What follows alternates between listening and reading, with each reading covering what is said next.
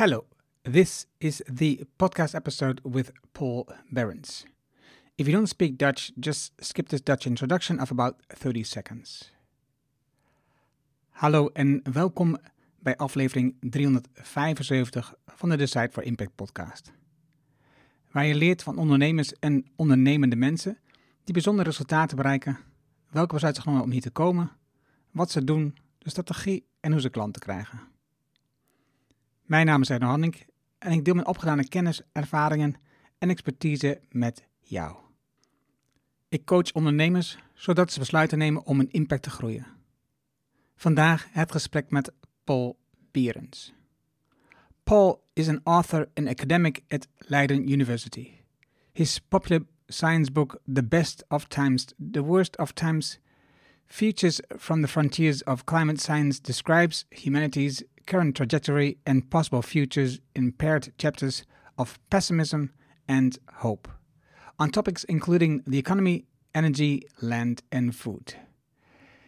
It was a very intense conversation I had with Paul. I learned a lot of things. I also sometimes think I I misunderstood some things, but you will learn in this conversation. Enjoy the insights of Paul. Let's get started.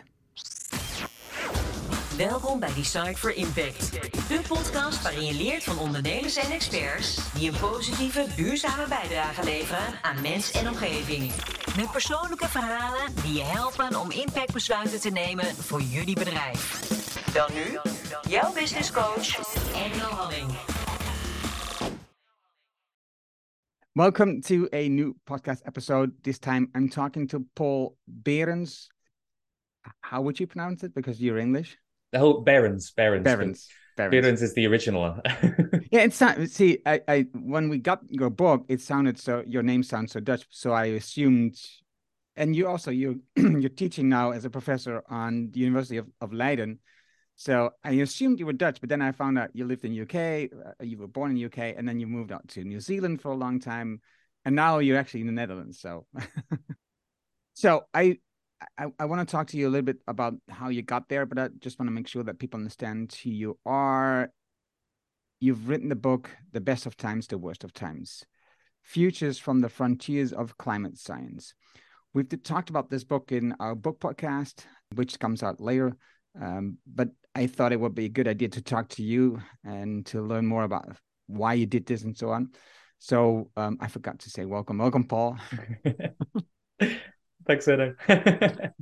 Stupid. anyway, you just mentioned in our short pre-conversation that you like had like kind of feelings about the COP 27, which is going on at the moment.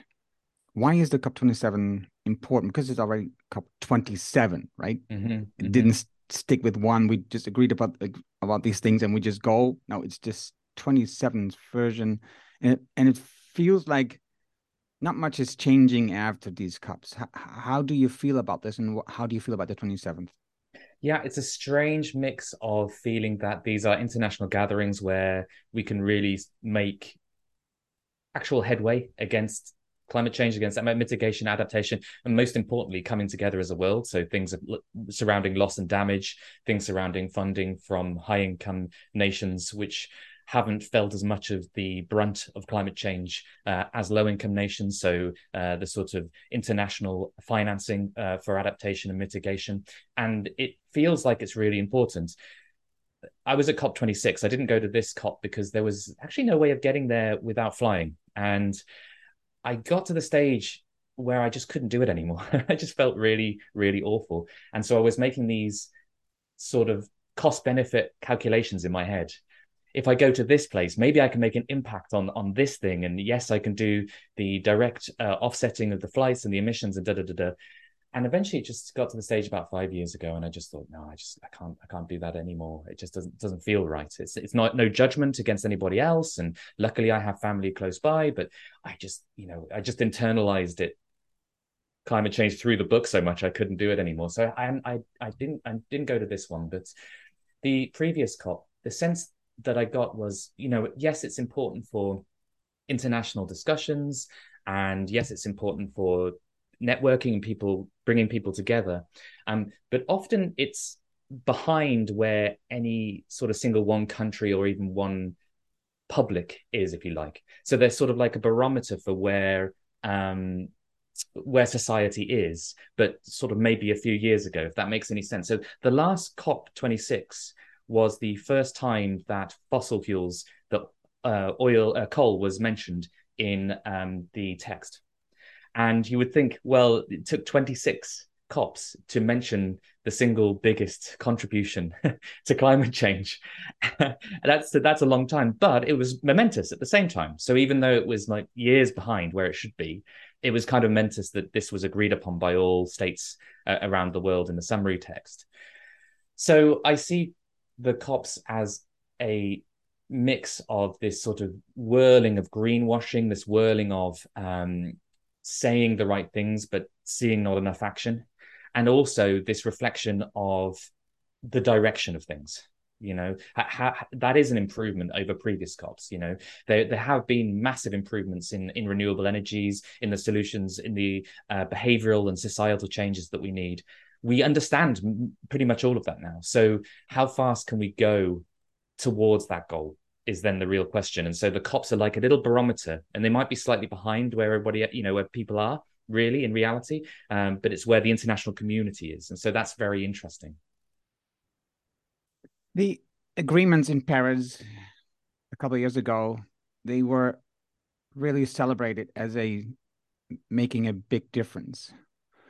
Um, and yet, uh, this year the IPCC came with a new report that we were just it was just much worse than we expected.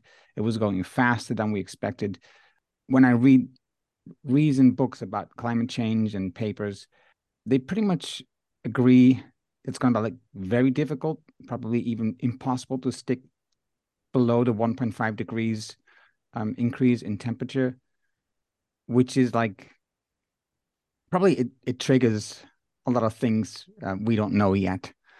And of course, the, after 1.5, there's 1.6. It's not it's not just jumping to two degrees, but still um, it's going much faster than we want. We're looking at droughts. Um, we're looking at people in Italy and Spain probably don't have enough drinking water in 2030, even earlier. Um, but we've seen this year the heat waves and the droughts and also floods everywhere in Europe. So, of course, it's worse at the southern hemisphere but it's getting closer now and we feel it. We actually feel the impact of what we've you know done for the last century or so. Yeah unleashed yeah. The there's a few things there that's really important to notice is is that the scientists and and and the IPCC has done a great job of the overall temperatures so the understanding of the amount of warming we would get for certain amounts of greenhouse gases in the atmosphere and some of the cycles of these gases has gone really well. On the whole, it's been really quite accurate. What the problem has been is that the estimations on what that means for the big energy systems around the planet and how they change in response. So that has been underestimated how fast that could change. So some of these impacts that we're seeing in terms of extreme weather events, in terms of impacts on food systems, a lot of these things are emerging earlier than we thought from climate change. So the average temperature, yeah, we're pretty much, yeah, we're pretty pretty good, pretty good estimates on that.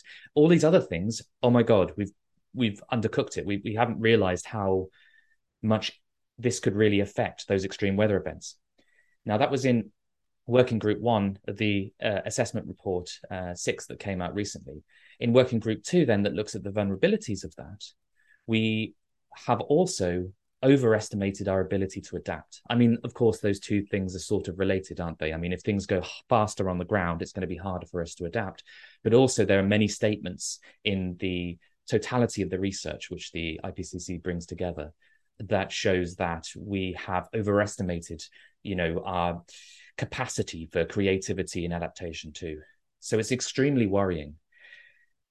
This, on the other side, is some areas have gone faster than we thought in terms of being able to reduce emissions in terms of the technologies, in terms of uh, solar and wind, in terms of the behavioral changes that we know we need, in terms of um, plant-based diets, in terms of demand side response of energy, so reducing the amount of energy that we need. All of those are, have gone much in much faster than we thought. So it's this race against two things that we've underestimated you know how bad things could get and also how how sort of creative we are in some of the technologies and some of the solutions that we have and some of the behavioral changes but the problem is is that because these things are coming at us so fast the difficulty is then being able to plan and being able to respond rather than just putting out fires quite literally in many cases actually having the leadership to actually do the things that we know we need to do, which would be better for that adaptation, better for the geopolitical issues that we're seeing around Ukraine, uh, you know, better for our air quality, our water quality, our health, regardless of even the climate issues. So it, it's this constant race, which is why it's so nail biting uh, right now. And I, and I say this as somebody in the high income nations who's you know relatively cushioned from some of the impacts of of climate change. So nail biting is perhaps not right. I mean horrifying in a sense you know uh, what's happening around the world. Um you know uh, sort of what happened in pakistan recently uh, during the flooding there. So you're quite right to highlight this dynamic that these things are coming harder and faster than we thought and our ability to to to adapt to them uh, is going to be tested to the absolute limit. You are a scientist, and scientists always have to be very sure about the things have to have research behind it which is you know checked and double checked um, before they say something which is important for the future. And also uh, as a scientist you um, are at the forefront of all this information of this knowledge and the knowledge that you have is written down in this book, but also is not, I wouldn't say available. That's not the right word because it is available, but is not absorbed by like probably 90% of the people. You know, if I say 2080, I don't think I think that's pessimistic. I can imagine that it is pretty difficult is I'm, I'm looking for a better word, but difficult, let's say difficult for you as a scientist to look at the world where you no what direction we are going as like a small group of people who look to the world from that lens. How do you feel about that? Yeah, yeah, you've you hit what's really been bothering me a lot recently, and though is this this frustration around it.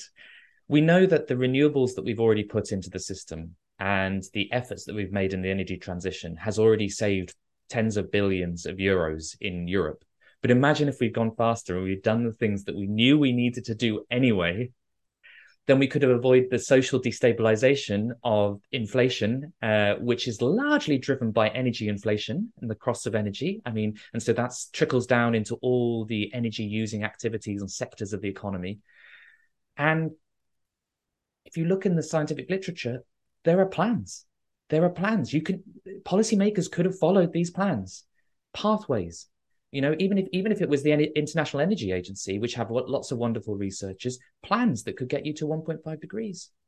It would take more involvement from government. We'd have to be careful about the politics around that maybe using citizens assemblies these sorts of things. But it's it's so obvious. It's so clear. And what the real case of the matter is is you know who wins and loses in this situation so who loses out in this situation and who wins in this in this situation how do we make sure that people are taken care of during this transition, you know, especially the, the most vulnerable. And one thing that you you see when you when you talk to politics and, and you talk in, in in political circles is this level of attention. It's an attention economy, isn't it? It's whatever we're paying attention to, which is whatever we're focused on. And you see that time again in the political sphere as a scientist. And this is my sort of uh, anecdotal experience, but of course, there's lots of research uh, looking at this as well. I don't research in that area, I just read some of the research coming out. But politicians and decision makers are confronted with this attention space and their attention is grabbed it's grabbed by the the lobbying uh, by certain companies certain interest groups because they're going to lose out in this transition And so what that means is the politicians are then focused on solutions which are very much about what the incumbent powers want, the incumbent companies, corporations want. So I was talking in Parliament in the UK recently, and we were talking about the necessity to improve the net zero strategy, which in the UK has been deemed it's it's been ruled illegal. It's been ruled unlawful by the High Court for not being good enough. And you read through it, and of course it's not good enough. And you see the um, politicians sort of reacting to this. And one one politician said, "All I'm hearing about is biomass, hydrogen, and carbon capture and sequestration. Can you say something to these?" And I said, "Yeah." I gave them a little quick rundown. You know, biomass, by and large, pretty horrendous. Uses huge, huge areas of land because we can only pr- convert about one to two percent of the sun into plants and then and then use that in, in in biofuels. It's a really bad way to do it compared to pretty much every other other way. Hydrogen. There is a role for it, but it is much smaller than what people think and what you're hearing about all the time. And the reason you're hearing about this all the time is because the incumbent industries think they have a path there, which they can push that above other solutions because maybe the solar and wind industry isn't so powerful in the political lobbying. And carbon capture and sequestration, which, yeah, I mean, this carbon capture and sequestration of, of power plants is, is a non starter if we're then talking about that's where you put capture on the power plants themselves and keep the the, power, the, the, the, the fossil fuel power stations running, incredibly expensive. Renewables are already cheaper than than fossil fuel power plants. It would be crazy to go down that road. But if you then you're talking about direct air capture and then drawing carbon out in the second half of the century, then you're still missing the biggest solutions that we have and nobody's talking nobody's talking about. I said I didn't quite go so far with this politician to say the reason why you're hearing this is the people who are in the room with you. But it certainly felt that me and another scientist there, it certainly felt that that was quite rare. You know, we had a room of sort of 15, 20 MPs, which was a great turnout. I mean, they were flowing out the door. And so the interest is there. It's just getting the access. You know, it's getting the access for those things. So we can say, yes, there's going to be winners and losers on this, but we know from the science, even from the physics of this, really, that it's going to be mostly wind and solar. There'll be hydro, there'll be other, there'll be existing nuclear, uh, continue running those. Um, there will be lots of transmission and things. But that's what it's going to have to look like because there's actually very few other ways to make our cells fit on the planet. And the question up to you, politicians, is how do you deal with the winners and losers? But that's not what they hear. They hear the potential losers in this transition and then they see the modeling that they do, which is you know bananas. You know, Shell talking about drawing down continent-sized areas of uh, carbon using forestry and things. You know, like things that are non-starters in, due to the land issues, due to the uh, food system, for example. So yeah, maybe this is a lot of frustration coming out now. Uh, Which I think is fair because I have similar frustrations. And for example, you just mentioned Shell they agreed that we cannot continue in that direction. We have to do something about stopping fossil fuels. But until the time, we just increase the the number of oil that we go that we that we drill up with 35%. What? You want to catch up and you want to um, go fast into the direction of the big hole, the big I don't know what's you know in hell, whatever. I don't know how you say this, but also like you mentioned, um, I think the whole situation with Truss, and if you listen to this, it, it today is November 7, 2022. We just you just had a minister, uh, a prime minister, um, Lady Truss.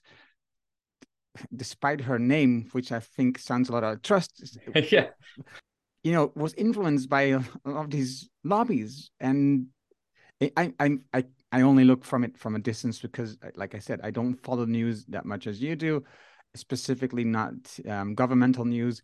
But you know, if you're in the room with all these companies and organizations that just make a lot of money right now and just care about shareholders, I think you're in the wrong room. That's why I think I think that yes, you are yes, very much the wrong room. A scary, a scary, scary room. Um, uh, I think that's also where this democracy side of things comes into it comes into the picture. So how do you get that representation in the room? And what does that representation even look like? One, I'm going to give an example for some research, some recent research, and then I'll talk about citizens' assemblies. Recent research suggests that we have underestimated how much people want to change. We're too cynical about our neighbors, way too cynical. So there was a paper out recently that looked at a representative sample from all different backgrounds and walks of life in the US, about 6,000 people. And they did a really clever experiment. They said to these 6,000 people, what percentage of people do you think support a carbon tax? And they said 37% uh, of people. And then they asked them all, do you support a carbon tax? 67% of people, or around that, it's 65, 67% of people. So they were way too cynical. And that was true across the board. It was like, how supportive are you of renewables? How supportive of you are the of the Green New Deal, et cetera, et cetera. And in fact, the carbon tax was one of the lowest ones. You know, I gave the, the, the most negative picture there. So we cynically uh, underestimate our neighbors.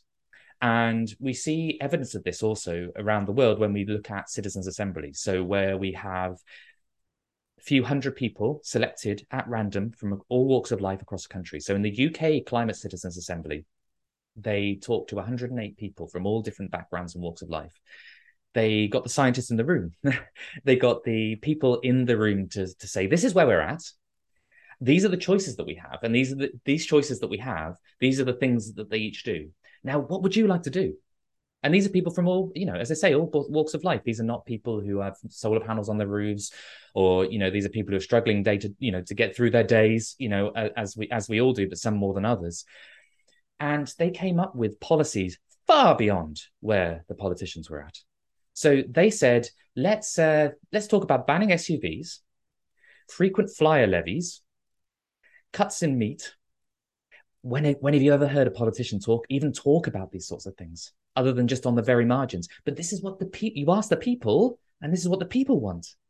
You can say, okay, Paul, that's great, you know, really exciting, but you know, what do people do privately? There's this attitude behavior gap. But the point is, is that we as a society want more.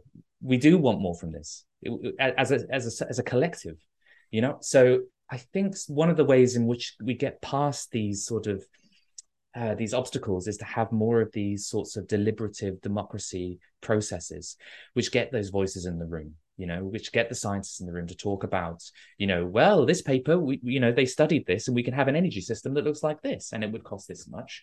Uh, what would you like to do? We, well, we got this one, compare this one as well, that um, maybe does this thing. You know, how would you like to choose these different futures? this is what they mean for people.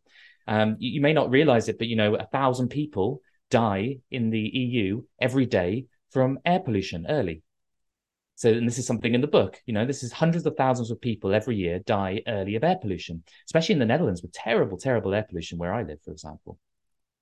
Do you want, you know, this is this is how much it costs the NHS if you want to be about that and you don't want to be about you, you know, you want to look at the costs, then that's how much it costs. And this is how much it would cost to change. I've got my imaginary whiteboard behind me here. But um, so this is i think these are quite exciting you know uh, opportunities and ideas and we should start to embrace them more and get more get used uh, to them uh, get the word out that these are good ways to do things the irish have been doing this for some time they had uh, an abortion uh, citizens assembly for example um, and you know you can make them legally binding you know, which wasn't the case for the UK Citizens Assembly. And of course, when it comes down to it, politics comes into everything. You know, you know how do you how do you build the citizen assembly is important in terms of the out results that you get uh, are they going to be legally binding and things like this but we, these are the sorts of tools that we definitely need to be using uh, to address this issue that we've both been talking about I agree. I agree so much with you. I, we we read the book Nu is het aan ons from Eva Rovers. Um, she is all about the citizen assembly in the Netherlands. She has this in this. It's a it's a small book. Um, great examples. The one in Ireland is there, but also some failures, like in France. Like it mm-hmm. wasn't legally binding. It was um, you know, it was uh, um, the initiative came from the president, but then the uh, government wasn't in on it. So they, I think they like added three of the suggestions to the new um, ideas that the government, you know, agreed upon. So um, I think the Netherlands has a huge opportunity to do something here to look at these citizens assemblies and and use them to look at these huge tasks that we are at, the huge transformations that we are at, you know, and talk about one topic at a time. And like in in a small part of Belgium, they have like the German speaking part of Belgium, they have these citizens assemblies as an ongoing process. I think there are great examples out there that we can work this and you know, as a as an individual, as a citizen, I am not um, involved with these large companies, organizations that you know that are paying huge sums of money and have all these lawyers and, and uh, working for them to get politicians to do some things. I'm just an individual. I'm I'm concerned about me and my children. That's mm-hmm. it. Not about how Shell is doing or how the stockholders mm-hmm. of Shell are doing. I'm concerned about my future and my next generation. So I'm, mm-hmm. and I I can even accept some personal loss to a better future for my children. And I think that's a huge difference between politicians because they only, not only, but they're mostly concerned about the next four years, which mm-hmm. is the governmental term that they're, you know, worried about. If I will I be elected the next time again, mm-hmm. and that's that's that's not a good time period to look for um, as a future. Yeah, exactly. When some of these things are unfolding over uh, decades, centuries, um, millennia. I mean, if you look at biodiversity crisis, it takes millions of years to recover from uh, biodiversity crises. So it's it's just such a huge sort of sci-fi sort of unique moment in human civilization to be here right now. Uh, to be in this period of huge upheaval. Whatever happens now, we've got some extremely concerning uh, awful uh, decades ahead of us. To be to be quite frank, I mean, lot, full of lots of suffering, lots of issues, lots of uh, disagree, geopolitical tensions, all sorts of different things, and you can, you know, it's easy to see how things could go badly here. Uh, but in terms of opportunities things like citizens assemblies do seem to be one of the ways in which you could see things uh, improve. And as you say you know it's not always going to come out uh, in the direction that we need uh, but it's going to be involving people and it's going to be far beyond where the politicians are at. Just on that point in terms of individuals you know we, we can actually address 70 odd percent of, of, of, our, of our issues with only a handful of technologies and and and changes and behavior changes. And really i get very fed up of like hearing about uh, sort of buzz buzzy sort of gimmicks and apps and gadgets and things like this because it's really so so simple. It's it's it's wind it's solar it's transmission it's insulating houses it's plant uh, plant-based diets and it's changes in transportation. And if you were to do those things imagine if you had a problem in your life and you could fix sort of 70 even 80% of that problem.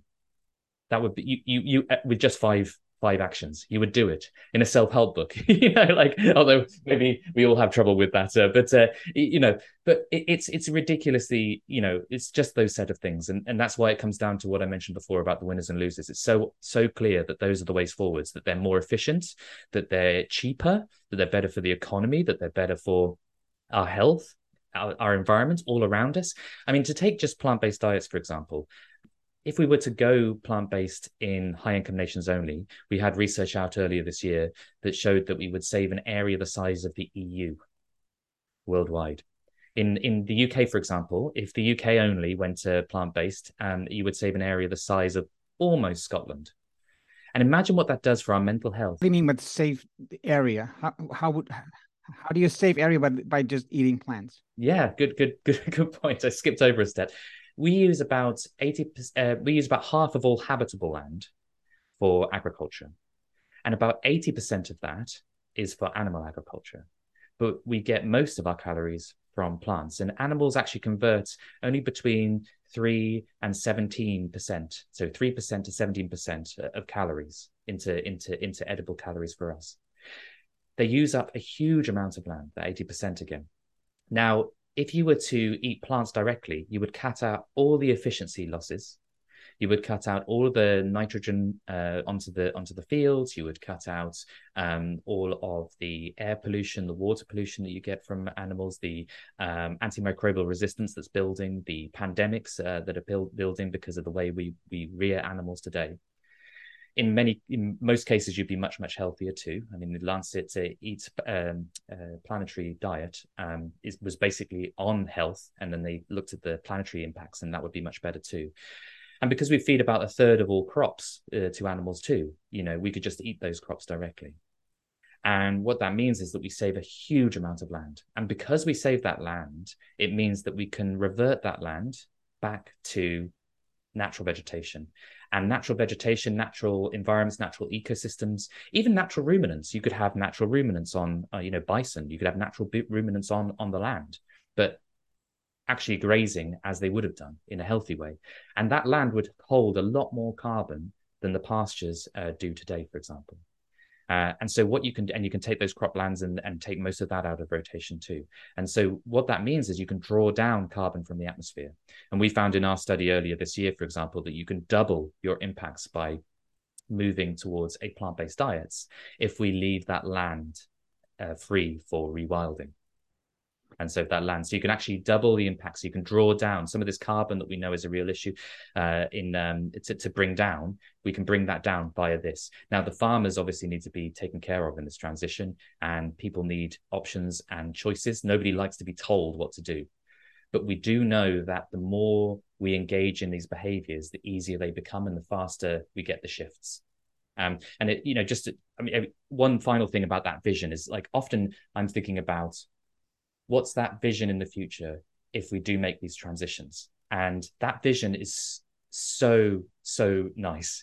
Looking out your window, you've got nature all around you. You've got a world that is maybe harsher, more difficult to uh, react to in terms of the adaptation, the adaptations to climate change. But everything that we've done has taken the edge off things.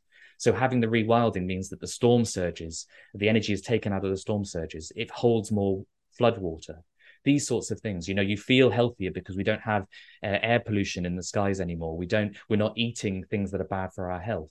These sorts of things. And yes the world is a harsher you know environment. You know you've got harsher weather. But actually for many people whose lives are struggle you know a struggle today that could be better in the future. So it's these sorts of the reason why i bring this up is because we have to have this imagination about how our world looks and having like parks near us. I mean in the netherlands for example if I think about going away for the weekend to to na- you know to nature, quote unquote, I have to go. I've got a selection of places, but it's fairly limited. Imagine if we had the shift, you would have instead of five parks that you normally go to or four parks you know, you'd have 15 20 and we know that the mental health of people really improves when they're in nature like that that is just so obvious from all of the meta-analyses in a significant way. Anxiety comes down stress comes down depression comes down all these sorts of different things. And so this is the vision. We have to connect the science you know the science that says uh, depressive tendencies da, da, da, da, with you have loads of parks near you you can go explore. There's this one that does that has this you know ecosystem and this one that has this and you go mountain biking in that one these sorts of things. Been talking for a while there but it's it's this it's this vision you know? Yeah.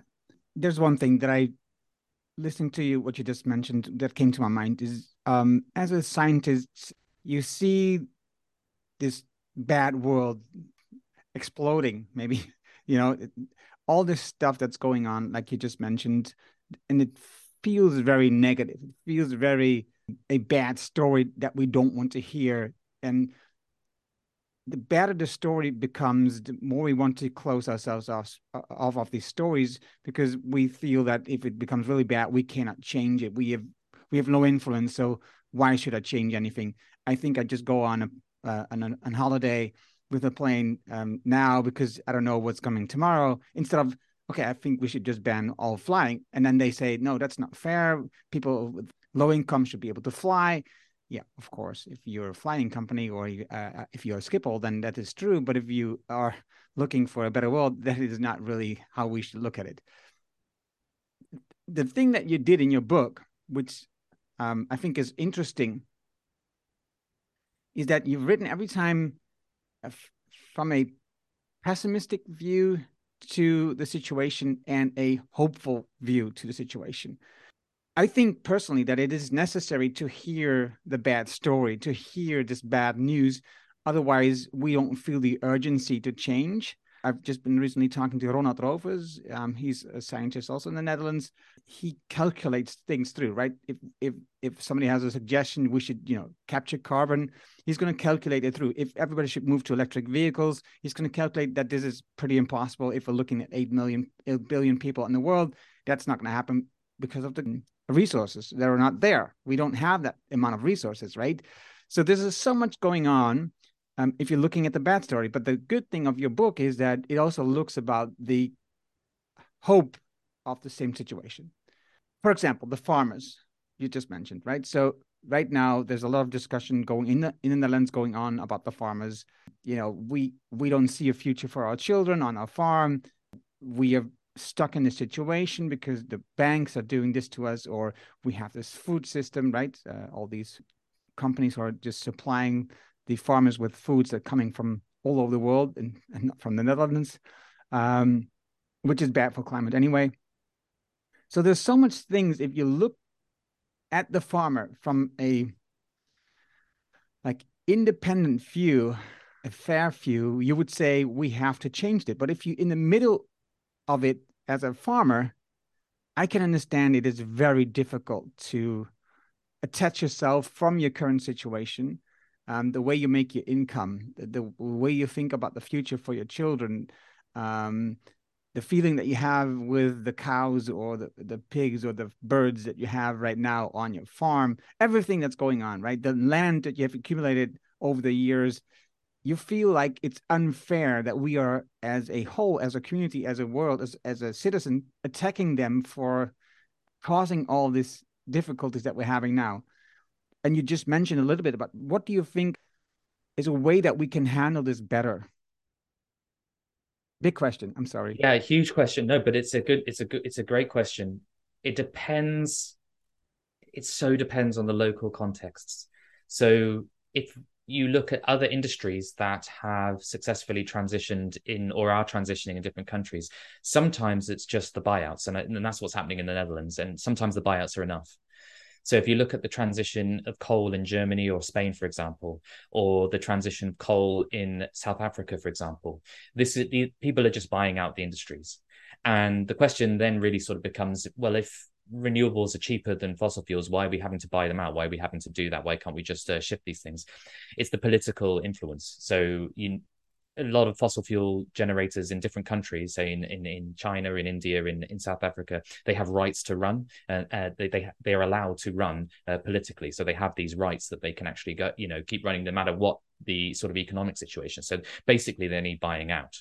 And so that's one option. Now in the Netherlands, as I understand it, you know that that's that is the buying out. There, there is the buying out there. So then the concerns become more sort of cultural about what does uh, the land look like, what does what's right for me and my family unfortunately in the netherlands it has to be very location specific because in the uk there's what's called the national food strategy uh, which looked at how do we transition the food system that's uh, in a healthy way for society and for farmers. And in the uk farmers uh, in the national food strategy which wasn't adopted by the way so politically and i can get onto the politics there but um, they gave uh, three different options or you know even more different options for farmers for their land and said what would you like to do with your land? We need a certain number to do this. It's almost like um a voluntary redundancy you know when you when you're leaving a job you know who would like to move on explore other things? And that's a very different proposition to saying you have to stop or you have to stop specifically or you there. And for that reason the national food strategy in the uk was hugely supported by um, the uh, many of the sort of different areas of agriculture. Um, and it was very supported by uh, chefs by health professionals by environmental professionals it wasn't adopted, uh, uh, apparently, because uh, many of the ministers working at the main uh, ministry that would be adopting it actually have large land holdings and they were worried about the change themselves. So it was the richest of the rich that stopped it. It wasn't the farmers who actually really wanted those options, really wanted those options and then they could make those decisions on their own terms in their own area in terms of what they would like and what the communities around them would like. You know should we rewild our one here? Maybe should we switch to this kind of uh, crops here multi-cropping here? What should we do in the, with this? Should we do some sort of land sharing with uh, animals and livestock uh, you know here? These sorts of things but it's options. You know i think that's what people and so i think in the netherlands um you know and, I, and i'm i'm not I'm not fully integrated in the all of the discussions here, but the impression that I get from the outside as an English speaker is that um, it's difficult because it's in it, you know they're very specific change places that need to change. So how do you then ask those people and get those people on board as a community as well? You know, and and and talk with them in the in the dialogue around it. And of course, things are broken down and um, there, there's a lot of acrimony and it's a it's a it's a it's a you versus uh, them sort of thing whereas you know what we really uh, needed is something some, something more uh, participatory and something more of a, a new social contract around this. Because i think everybody agrees at this stage this stuff needs to change. So what what kind of what kind of image do you have for this land you know? I'm sure these sorts of things have been tried but i would say that not every problem that we're going to have during the transition is going to be as hard as that one because of the lack of options, because of the specificity of the regions which have to change due to their nature zones. I'm not quite sure, but you are a scientist and probably know more about it. But um, looking at the discussions that we have for these um, wind turbines on land, everywhere where they propose it, there is a lot of discussion going on. There's a lot of people who are against it. If I look at my area, there's there's been signs all over by saying we don't want these wind turbines in our region. So we want, of course, all to change the way that we get our energy, electricity, but we don't want it in our own backyard, right? So that's that's mm-hmm. I think that's a general thing that I see in the Netherlands. I'm I'm not aware of, of the other countries, but I, I see that in the Netherlands. And about the farmers, and I I talked to Johannes Regeling. He's a farmer, and he had there was an island. I'm not sure which one. Uh, one of the Wadden Island. They have seven farmers with uh, with cows, and um, and they produce milk. And the government's proposed so if we need to decrease it, we need to buy out one. And the farmers, of course, all didn't want to be the one, right? There's seven out there. They didn't. They, one, not none of them wanted to be the one who was going to buy. It. They all wanted to keep um, farming. So they sat together and said, "So how can we reduce as a whole to accomplish the same result?" And they did. So um, I think, like you just said, having this idea of doing it together. Mm. now he's also involving uh, the citizens because he's offering the cheese as a specific cheese coming from that island, uh-huh. and not just one farmer, but uh, these farms together, and um, selling it to you know to people by you know trying to get a new relationship between citizens and farmers right i Absolutely. think that's really important yeah. right so if, yeah. getting away from the whole us and them situation yeah. right Polar, polarization is just not helpful in these kind mm-hmm. of situations mm-hmm. and and and you know farmers taking on that role of you know land uh you know being on the land and be and and and, and cultivating that land you know th- their role in then sort of talking to communities around them about how that land might be used you know I, I think is absolutely vital you do see the same thing with wind turbines for example onshore the issue that you get often and this has been shown over and over again in the UK, which is also an area that's had problems with onshore. Offshore is going really well. Uh, onshore is a real problem. And what you see over and over again is you get these helicopter groups come in and so when there's a plan for wind turbines, you get these uh, interest groups, these lobby groups come in and pepper the the um, the community with lots of misinformation, things about uh, you know wind turbines killing birds, which is you know absolutely nuts. Uh, and you know on that, you know one wind turbine, which uh, you know produces enough for thousands of houses, uh, kills a bird roughly every once a year a, one cat kills approximately nine birds a year. It's hard to measure, but like it, it's you know th- this is the sort of scales that we're talking about. Buildings orders a, kill orders of magnitude more birds. Cars do, um, and so it, but you know it's very easy to believe if you're peppering in this information, and as you say, people are just you know wanting to get about their lives. Um, you know, uh, just to reflect on your point about um, the raw material requirement uh, for the energy transition, because this comes up a lot as well. Is we do need to change the demand for that energy for sure. But ultimately, if you look at the amount of material that we move for the fossil fuel system today and compare it to the one time movement of material we need for the energy transition, the fossil fuels today are far, far more than it will ever be during the, the energy transition. So we have to be very, very careful. We need, we need, we need to move as little as possible you know, move to trains, move to bikes, move to all the sort of different things. But it is there and it is going to be less movement of material. And most of those materials are usable afterwards. So we do this once, and then it's moving from what we say in science from a, a flows based system where we're burning this fossil fuels and then it just dissipates into the atmosphere and causes all of our problems or many of our problems to a system where it's stocks based. It's built in the infrastructure around us. We no longer have to bring in the fuels and then just to burn them and then dissipate them into the atmosphere. We actually have the stocks within our communities, within our society, and then we can reuse the stocks over and over and over again. And actually, there are very few areas in the energy transition where we don't think we can reuse those materials. There'll be some losses, maybe five to ten percent of different uh, materials uh, with the really hard to really hard to re- reuse. But in general, it's looking fairly positive you know, in terms of reusing these things. So just to put that out there, because one of the things that you see is like some of this information that's being pushed back. Oh, we don't have the materials for this. Oh, you know, it's going to be all um, China, or it's all going to be. It's used again to try and slow down this transition that we need. Um, and that transition does have to be the demand. And of course, it is more complicated than that. It takes a long time for mines to come up and running. You know, any new mine will be a huge impact on communities, especially in other countries that might be uh, lower income, that might not have the same power in the negotiations and things. These are all things that we should be concerned about. We have to keep these things in perspective. No, I, I agree. I, I was just thinking not as a, a break on uh, implementing you know solar and wind. For me it's just a matter of looking at the circular transition right? The circular mm. idea that we have to also involve in the way that we mine our our um, uh, resources.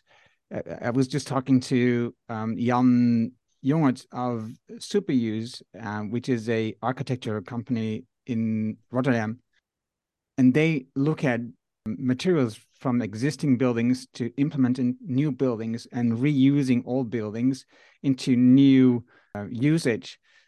Instead of just thinking about like the one minister that we had um, who's responsible for living says we need to build 1 million new homes which is which is not true. If we just will look differently at how we live and how we can live together and how we mm. will reuse all buildings that are just standing empty right now and I think it sounds similar to farmers, right? You have to then talk to the people who own the buildings and they have an idea of usage now and they have to transfer to a different usage, which probably will affect the way that look at at the economic value of the building and also the amount of money they will get from it on the long term, right? So it's not a matter of looking at from a um, shareholder value, right? So how, how much money will I make in the future from this building? No, it's looking at how can we solve this community issue? How can we solve this government uh, or um, you know people issue? How we live together?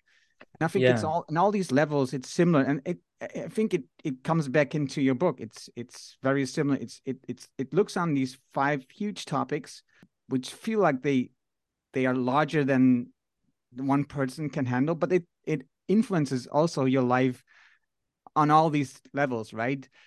Like Jan was talking about, if we could think about, rethink about how we look at cities and how we mm-hmm. live, there was so, there's so much difference going on. Like you just mentioned, if we have if we built more parks, you we will be healthier. But it's the same with if we reduce the number of buildings, reduce the number of cars, if we um, we don't build new communities outside the city, and we have mm-hmm. because then we get more cars, we get longer transportation area uh, roads. This we could reduce all that by just change the way you think about reusing stuff and think about the economic value of the current um, products resources that already yeah, yeah. are there right? Already are available. Yeah yeah exactly exactly. No no I, I think this is this is my sometimes i do this thought experiment where i just think if overnight you woke up and the entire fossil fuel infrastructure disappeared you know if it was all gone well there's no way we would build it back the same way today? Absolutely no way. We'd all be decided. We'd all be like, yeah, no, we're not. That doesn't make any sense. You know, if you sat back and you're like, okay, you've got a week to sort of come up with how you want this world to look, you wouldn't do it in that way. The only reason why it looks that way is because what we did in the past. And so it comes back to this transition thing again. And just to come back to the book on on the book, you know, doing this pessimistic and and hopeful perspectives it's not like the most extreme pessimism and the most extreme hope. It's actually both within the bounds of, of possibility. And I think overall, in terms of the pessimism, and this is, I, I am honest about how troubling this future is. So I am very upset, if you like, about that. And I think we have to be honest because I think people respect honesty over everything, even if it makes even if it makes them turn off. But we don't want them to turn off. So what what the important thing to do is to be honest, to be alarming, you know, because it is really alarming. Anybody who's not alarmed by this really needs to have a look around the world right now. But then say, well, here is what it looks like if we address these things, which we know we need to do anything anyway for inflation, for your life, for the food system, because we know the food system is coming under pressure and our food prices are going to be going up. The real things that people experience, not 1.5 or 2 or these sorts of things, but what's the actual things people experience? You know, prices going up and these sorts of things. They give the solutions. And then by doing that, say, okay, so what would what would we like to do here? And by acting, then you build the hope for the future. So then you, you you you continue to have that dialogue where you get that punch in the gut because that punch in the gut I think is very powerful as you said earlier in terms of thinking about well what can I ex- what can I accept in changes in my life. So some changes are super easy and we should be doing it anyway and they can be really enjoyable like when I uh, switched to vegetarianism and then moved even further towards more and more plant based in my diet and totally plant based, it was a slow process, you know, but it was an enjoyable process you know, I, I, I it would five years or so, and then suddenly I'm not really hankering for anything meat based or animal based anymore. So it's this slow process, and and again, no judgment. It's this journey that we all make, sort of internally. But you need that punch in the gut, that feeling of oh god. And as we sort of started the conversation about flying, for example, and for these people whose lives have to change or their cultures have to change, or this this is the sort of urgency that's needed in a in order to say we can find better ways of making these decisions, but we do have to make these decisions. They're not going to go away. You know, you can't just sort of like play for time here because we have none. so I think that's why the book has that sort of arc because I think it just, you know, it's that thing bubbling away. Uh, I think that I had going on, you know, in engaging with this as a scientist that I hope is useful for other people too. Is there scientific, has there been research done on what is more effective negative news or positive news for an, an action? Great great great great question. Um yeah it's so it's been quite mixed it's as you can imagine it's very difficult work to do and i'm not a social scientist so maybe i'm not best placed to comment i did do a lot of reading for the book in order to make sure that my messaging was useful because i can say lots of factual things but how do I then say that? You know, and what's the most useful way of saying that for people to engage with? And when I did the reading, it seemed like there was no real conclusion about whether me- messages of hope or messages messages of despair are best. The site, the literature has moved on a little bit now, and I think the literature, thankfully, has sort of said the combination is is usually the best. So I, I don't know whether this is like a uh, selection bias of mine. Maybe there are other papers saying out there that there that my book wasn't uh, the best way to do it, but um, at least the papers that I saw said you know you need a bit of both, you know, and um, you need to because you, you can't just do the hope either. Because if you just do the hope, people put their feet up on the table and they don't do anything. Um, they need that. It, it comes back to that wolf at the door, that real feet, that sort of like um endocrine, that sort of hormonal change that you get and that you pass through and you move through uh, and you develop through. And that's one thing I would really want to mention as well is that many people, I don't know if people listen to this will be feeling some of these things about eco anxiety, about despair, or even the reverse. They don't feel like anything at all. I think an important thing to remember here is that we're dynamic. We move through these things over, over time. So even if you think that you're in the most pit of despair, you know that it, it, it, real like there's no hope for this. Um that emotion can change as well. You know there's a great uh, quote when i've forgotten uh, george eliot i think it was. And and and she said that um you know uh, despair is just a, a response to unfulfilled hope seeing people act around you. And if you see people act around you then you get that hope. Or if you act yourself then you get that hope. You know so it's really dynamic. And I, maybe I, am getting off topic here as a as a as a scientist who works on these things but I think these things, these emotions are important to engage with, and they certainly affected the way that I wrote the book as well. That I, we, the scientists, can often keep all of this information and all of these emotions away from us, so we can basically write in these very sort of detached ways that don't actually say what it means. And when you actually engage with that and you decide, okay, I'm going to engage with this, then it has a yeah, just has a huge impact uh, on the way that you think and feel then you, you're not pushing it away anymore. And I think scientists in general um, really struggle with actually accepting the emotions. Good point. Good point. I have an interesting thought here. Two things that I'm I've written down as a topic that I want to get your opinion or insights about. The SDGs, the Sustainable Development Goals, um, have a deadline of 2030. What is your feeling about the SDGs in general? Is it a good idea? Is it what? How do you feel about it? I have to say, I'm generally quite negative on a lot of the international buzzwords and the, as Greta Thunberg would put it, the blah blah blah. I don't think the SDGs are blah blah blah. I think there's, but I think there's issues in the implementation and the sketching of them out. So they were basically devised as you know the the the, the next goals after the Millennium Development Goals. Pretty much without consultation with sort of say scientists or it was way more about how do we sort of organize all of these different targets. And then you've got 170 is it? Or 190 different targets spread across all these sdgs and they're supposed to be an organizing thing. But then the problem is is that the, the that's a huge number to to keep uh, abreast of to keep uh, an eye on. A lot of the data is very poor uh, and you can't get the data on a lot of these things. And then it becomes a sort of soothing words you know a sort of oh we, we're doing sdg 7 we're doing sdg how do we map our what we're doing to our sdgs and then it's just a categorization approach you know. Unless you're doing the five main sort of implementations that i mentioned earlier unless you're finding ways to make an impact in those areas i don't see the real uh, benefit. Unless you've got some incentives and you've got you're actually sort of working directly uh, on one or two, then I think yeah, I, I, I I get a bit pessimistic about it, and and it's the same for a lot of these um a lot of these sort of big buzzwords and things like even to some extent circular economy. I think circular economy is absolutely vital in the long term, but some of the ways in which some of these big ideas and thought things are going is a way to avoid doing the things that actually really make a difference. You know really actually make an impact. So i'll give you a, uh, give you an example. I was giving a um, a talk uh, the other day to um, uh, google like a, a, couple of years ago. And um, not the other day a couple of years ago.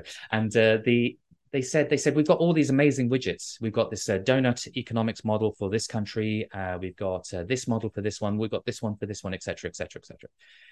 Which one do you think is the most interesting from your perspective as a scientist, Paul? And I said, look, they're all really, it's all really great. It's really, really exciting to do. But fundamentally, look where your actual impacts are. Your impacts are in the information space. And there was a paper that came out two years ago that said that the majority of the top 100 videos on climate change were climate denial videos you know that the top 50 was what viewed uh, 52 were viewed more than the others way more than the others millions and millions and millions of views. That's where you have your impact. Yes all these gadgets and widgets they sound really nice but where is your actual focus and where are the areas where are you willing to, to take a 5 10% hit on? Or a way to transition. So you don't lose that 5 to 10 percent hit on the advertising revenue or something but do it you know results in a much better world. This is coming up against your bottom line. So what's the hit you want to make? And where's the steps you want to go? There was a media company you know an, uh, an analyst media company that was talking to me in the same way. And the reason I bring this up is this SDG thing, you know, talking about SDGs, talking about their scope three emissions, you know, talking about the scope three emissions are the, the supply chain emissions. And I said, you know, great this you're doing that. That's the absolute minimum, though. You're a services company. You're not building steel. You're not building bridges. You've got computers and paper, and the scope three emissions in the supply chain are very, very low. So you're doing what's easy for you to do. And then you're saying that you're mapping to SDGs and these sorts of things. Have you actually asked yourself the question are we willing to stop working with highly carbon polluting industries? You know, are you willing to uh, turn down uh, the revenue on that? You know, because that's that's once you've had the punch in the gut, maybe internally you will get the civil sort of um, not to use too violent term, but the civil war within within the company, saying, well, what what what's this company actually going to do? So I just so come. This is a long way around saying that I don't like the way in which these ver- words are then taken and greenwashed, and these goals and targets are then taken to. And if you were to do a percentage sort of analysis of how they're used, my anecdotal evidence of, of, and so not not that strong, of course, but is that they're way used way more in terms of this appeasement, in terms of this idea that we're doing this, we're actually sort of something, we're doing something constructive here when you're actually not. Okay, that's not a hopeful situation. I was talking to Gast. She is an SDG voice. So she's one of the young people who talks about uh, governments and, and organizations and company and, and educates, tells them more about the SDGs.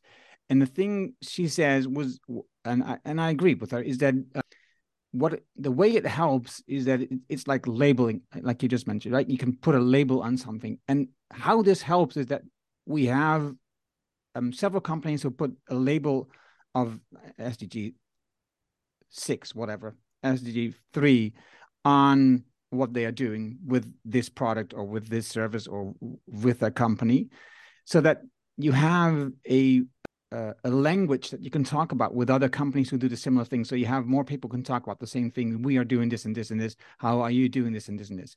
And I think that's that's an advantage of the SDGs that you have like more like a common language, which is not always right, but it gives you a direction. And I, I agree with you that you know the five topics you mentioned earlier, uh, but also even just the five topics you mentioned in your book, is these are easy too. But there's so many noises out there, and we have to find a a common ground that everybody understands. How do you feel about that? Yeah, I I think I think it's powerful to have a shared language. If you look at sort of um, GDP, for example, as I talk about in the book, it's a shared language in Rutger Hoekstra, who's written a fantastic book, uh, Beyond GDP by 20, uh, 2030. And that shared language it matters. It is important. Um, whether on balance it comes with more good than bad, I don't know. I don't know. But I, I remain, I mean, if you were to list out all SDGs, I mean, aside from no poverty in SDG one, it gets harder and harder. The it, uh, me- memory wise, I don't know how useful it is as a language when you can't re- when it's difficult to remember all of them, and then within them there's 192. Odd, yeah, uh... I I agree. That's that's difficult, but still, if if me personally, I would think, and a similar thing is in your book, right? Um, it's about economics, for example, and uh, population and progress, for example. You talk about how education we grow as a population and we suffer the consequences, right? So we use this all this oil and everything, but it it looks like we are the growth of uh, of the population of the of the world is is going to be decreasing after 2050 or so, and a lot has to do like the education of women, right? That's a that's a huge lever that we can work on education of women is part of the SDG. So if I look at how I can help as a person, me, Arno, I do a lot of looking at young female. How can I support them as a white male plus 50, right? I think I think this is a topic that I can work on. Another topic I can work on is on ecological and um, social uh, inequality. The rest of the SDGs are not you know they are important but not important to me because mm-hmm. i can focus on all of them so I, I i pick these three and see how i can use this in conversations like with you with you but other people as well and how i can use this in my podcast how i can use this in my articles how i can use this in reading books how i can use this and actually helping women young female young women to make a change to help them to step up and give them a platform to talk about their ideas. And um and i think that's what i can do right now. I there's probably more i can do and but this is feel like you just mentioned with google right? What is it that you can impact? Mm-hmm, mm-hmm. yeah that's great. That's great. Yeah. How what is it that will you know impact your revenue? Probably not in the right way but we don't need more money. Yeah we have yeah. We've, got, we've got plenty. So that's not the issue right? Yeah yeah. Well i i you know it, i it's great it, it works. And and and you know i'm quite willing to be uh persuaded otherwise. And uh i, I oh, as I, with everything in the that in was the, the last thing I try to do yeah. I didn't want to try no no no no yeah. persuade you. Yeah yeah. No no it's it's it's it's it well i'm very persuadable. As with as with the book uh, pessimism and hope you know uh it depends on the day. Um i just yeah so that i mean that's if if it's a shared vision then that's that's great i mean. And but I think a lot of those those trends were already happening before uh, the SDGs, for example, uh, and they've continued on to today. And so these sort of the cultural influences, uh, but whatever's useful in terms of um, in terms of uh, structuring those uh, discussions, I think is really important. Um, uh, so I guess there's a question of whether you know would would it, the SDGs have been better if they'd been shorter?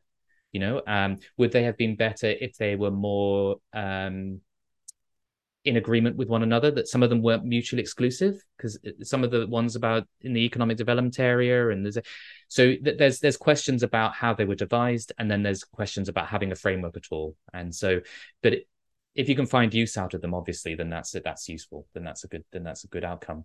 On the uh, population thing, of course, you know, it's just how we how we're consuming, which is the the, the biggest um, the biggest impact. And you know, population really is just is just absolutely the sort of the wrong question going forwards in terms of sustainability. And just a really interesting number the, the other day that I saw that uh, China posted a total fertility rate uh, of 1.1. So you need 2.1 children per woman to stay stable, the population to stay stable and that point one is for people who don't get to uh, childbearing age, etc.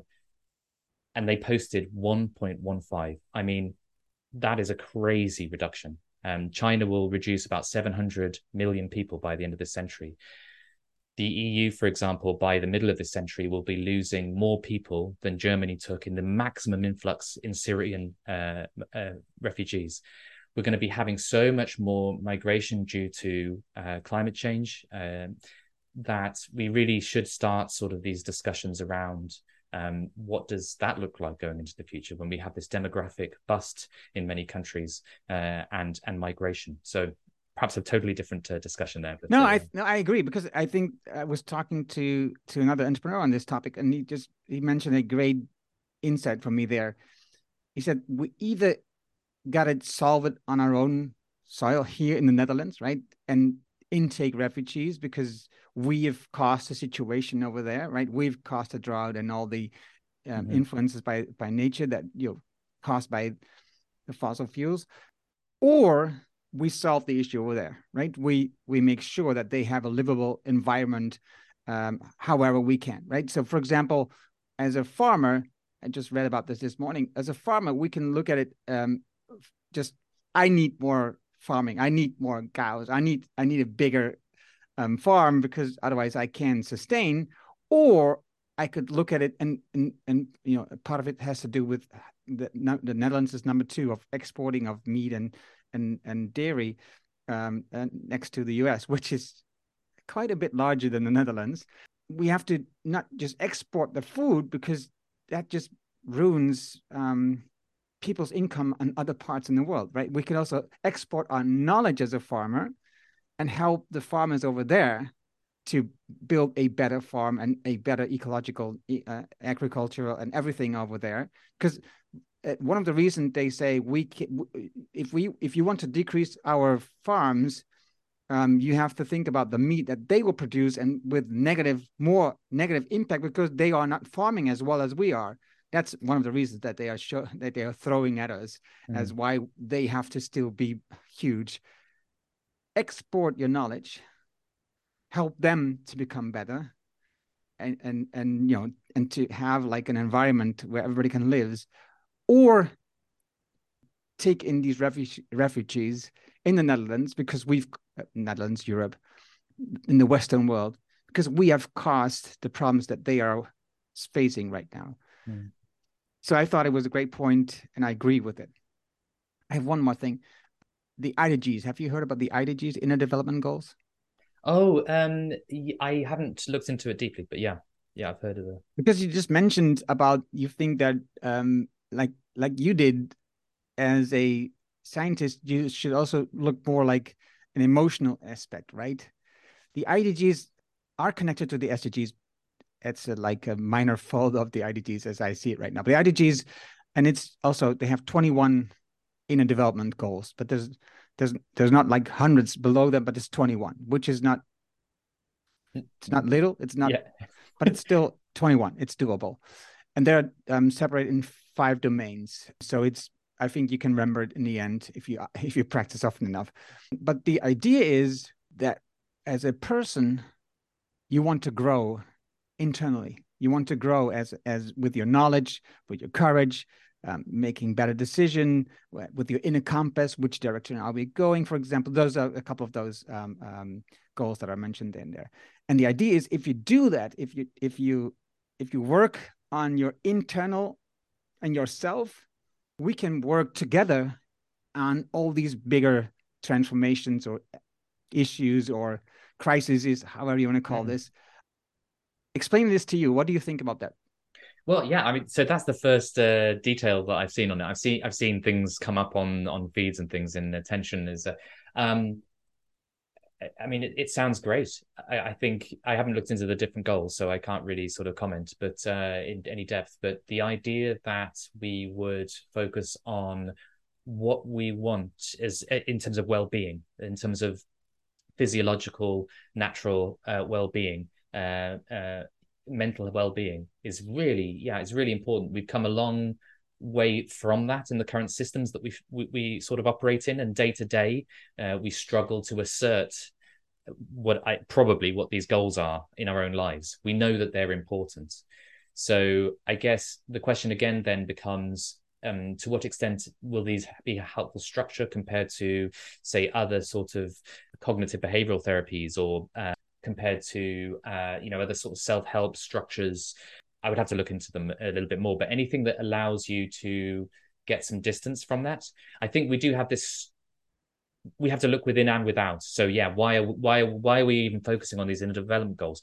Probably because we're stuck in systems that really we we all struggle in to find ourselves. So if the inner development goals can help us put pressure on that system in our, our different the different areas of uh, levers, the different leverages that we can push in society, then then it can only be a good thing if it can help us identify those areas and for levers that we can change. Right, right. The way that we mentioned it was uh, personal transformation for external change. Right, right. Okay, yeah, I hadn't seen that, but yeah, that's uh, that's that's exactly yeah what I could imagine being very very useful and um that thing of being overwhelmed just maybe to reflect on that a little bit more that thing of being overwhelmed by your ability to control or your ability to be in a society and different systems um, something that i find quite helpful is this idea that um, of, of fractals you know where these pictures where you zoom out and it all kind of looks the same. And you see in society we're sort of trapped in the societies that we have because at larger scales we've made some decisions and then at even larger scales we've made those decisions. So we, we drive cars because we've built those roads. Uh, those roads were built because of the local planning uh, arrangements which at the national level was an infrastructure plan. And so we're all it's turtles all the way down right? So and that can feel a little bit un, uh, overwhelming. But when we think about the systems transition so that's the system you know it all looks the same from the different things. We have to change that system. How do we get the feedbacks from all those different uh, behaviors that we can have all the way up through the system and I think you know, good, really good examples like uh, plant-based diets, for example, are very important. We do have individual agency. It's true that the entire system has to change, but the entire system can change even faster if we have that individual agency, and you know, and vice versa. So if I ha- if I eat more plant based diets, the market reacts. It offers more plant based options. Farmers have more chance to grow vegetables over or uh, fruits over over dairy, etc. And so it's sort of right down to that individual level of the IDGs up to that level of the SDGs. And it just sort of helps me to think about those things. And then you can get into the policy, the really complex technical policy discussions of like, okay, we see more people are interested in this now. Now that there are more vegetarian options on the menu, research suggests that we have more meat eaters eating those options. So that we're seeing even more sort of explosion. How do we then uh, facilitate a, a, shift in, say, where things are arranged in stores, in shops? So that people can have um, you know easy access to those foods. It's in front of their faces. It's not just like the junk food at the end of the aisle or whatever. The, the small little steps that could have huge leverage points for the change uh, and then accelerating the change um, at different levels, you know, and then you know where where do we place the supermarkets, you know, so that they're within walking distance. Netherlands doesn't really have that problem; they're everywhere, but you know, uh, other countries do. Uh, so you know, how do we, you know, how do we then have have have these different sort of impact points at different areas of the system. Yeah. And it can feel very overwhelming, but I think that inner development goal idea is a really nice way of having that personal uh, impact on the world already. Yeah. Yeah. Agency. Paul, I think I feel like we could talk like much longer. There's so much more. I've and I've already learned so much from you by reading the book, by now talking to you and reading your posts on LinkedIn. For me, it was a delight and very insightful to have this conversation with you. Thank you for that. If you, as a listener, you know want to do something right now and want to learn about the, the five points that you already mentioned but also you know get the pessimistic and hopeful view of the five large issues that we are facing now um, and i just should mention them population energy food climate and economics just go and and read the book um, it's not huge a large part of the book is just all references which you know is helpful because then you could even go deeper into the, the various topics that we mentioned I think it's very well written, easy to understand. It, it's it, it's not it's not a very difficult scientific book that you're reading. I highly recommend the book and to learn more about this. So thank you, Paul, for doing this for us. Thanks so thanks so much, It was such a such a lovely discussion this morning, and uh, yeah, thanks. So with the references, they're all uh, very uh, easy to read scientific papers as well. So I try to sort of choose the ones that are sort of really nice reads on their own as well. So you can go into them and sort of read a little bit more. But uh, thanks so much for the discussion, Arno. Thank you. Dat was het mooie gesprek met Paul. Je vindt de namen en links die we noemden in het artikel dat bij deze uitzending hoort. Ga daarvoor naar decideforimpact.com slash show 375. Wil je vanzelf automatisch de volgende aflevering van deze podcast op je telefoon ontvangen? Dat kan heel eenvoudig. Heb je een iPhone, dan zit daar standaard de Apple Podcast app op. Open die app, zoek de site voor Impact Podcast op en klik op abonneer. En nog even de vinkje aanzetten dat je ook de aflevering wilt downloaden. Heb je een Android-telefoon, installeer dan eerst bijvoorbeeld de Player FM app. Zoek daar de site voor Impact Podcast op en klik op abonneer. Dankjewel.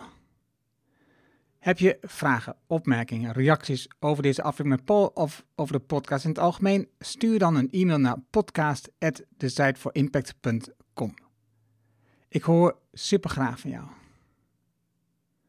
Wil je meer impact, meer resultaat, meer effect van je werk en meer effect voor de mensen met wie je werkt? Download dan het whitepaper Impact en winst met lange termijn besluiten. Op de site van impact.com. Dit is mijn nieuwste whitepaper en je downloadt het daarom helemaal gratis. Je hebt zelfs geen e-mailadres nodig. Mijn nieuwste boek is altijd gratis. Vraag het daarom nu aan. Je vraagt jouw whitepaper aan op de site voor impact.com. En ik weet, je hebt een volle agenda, je leest het in één avond tijd. Dankjewel voor het luisteren en graag tot de volgende. Dankjewel voor het luisteren naar deze aflevering van de Decide for Impact podcast. Ga voor jouw volgende stap naar decideforimpact.com.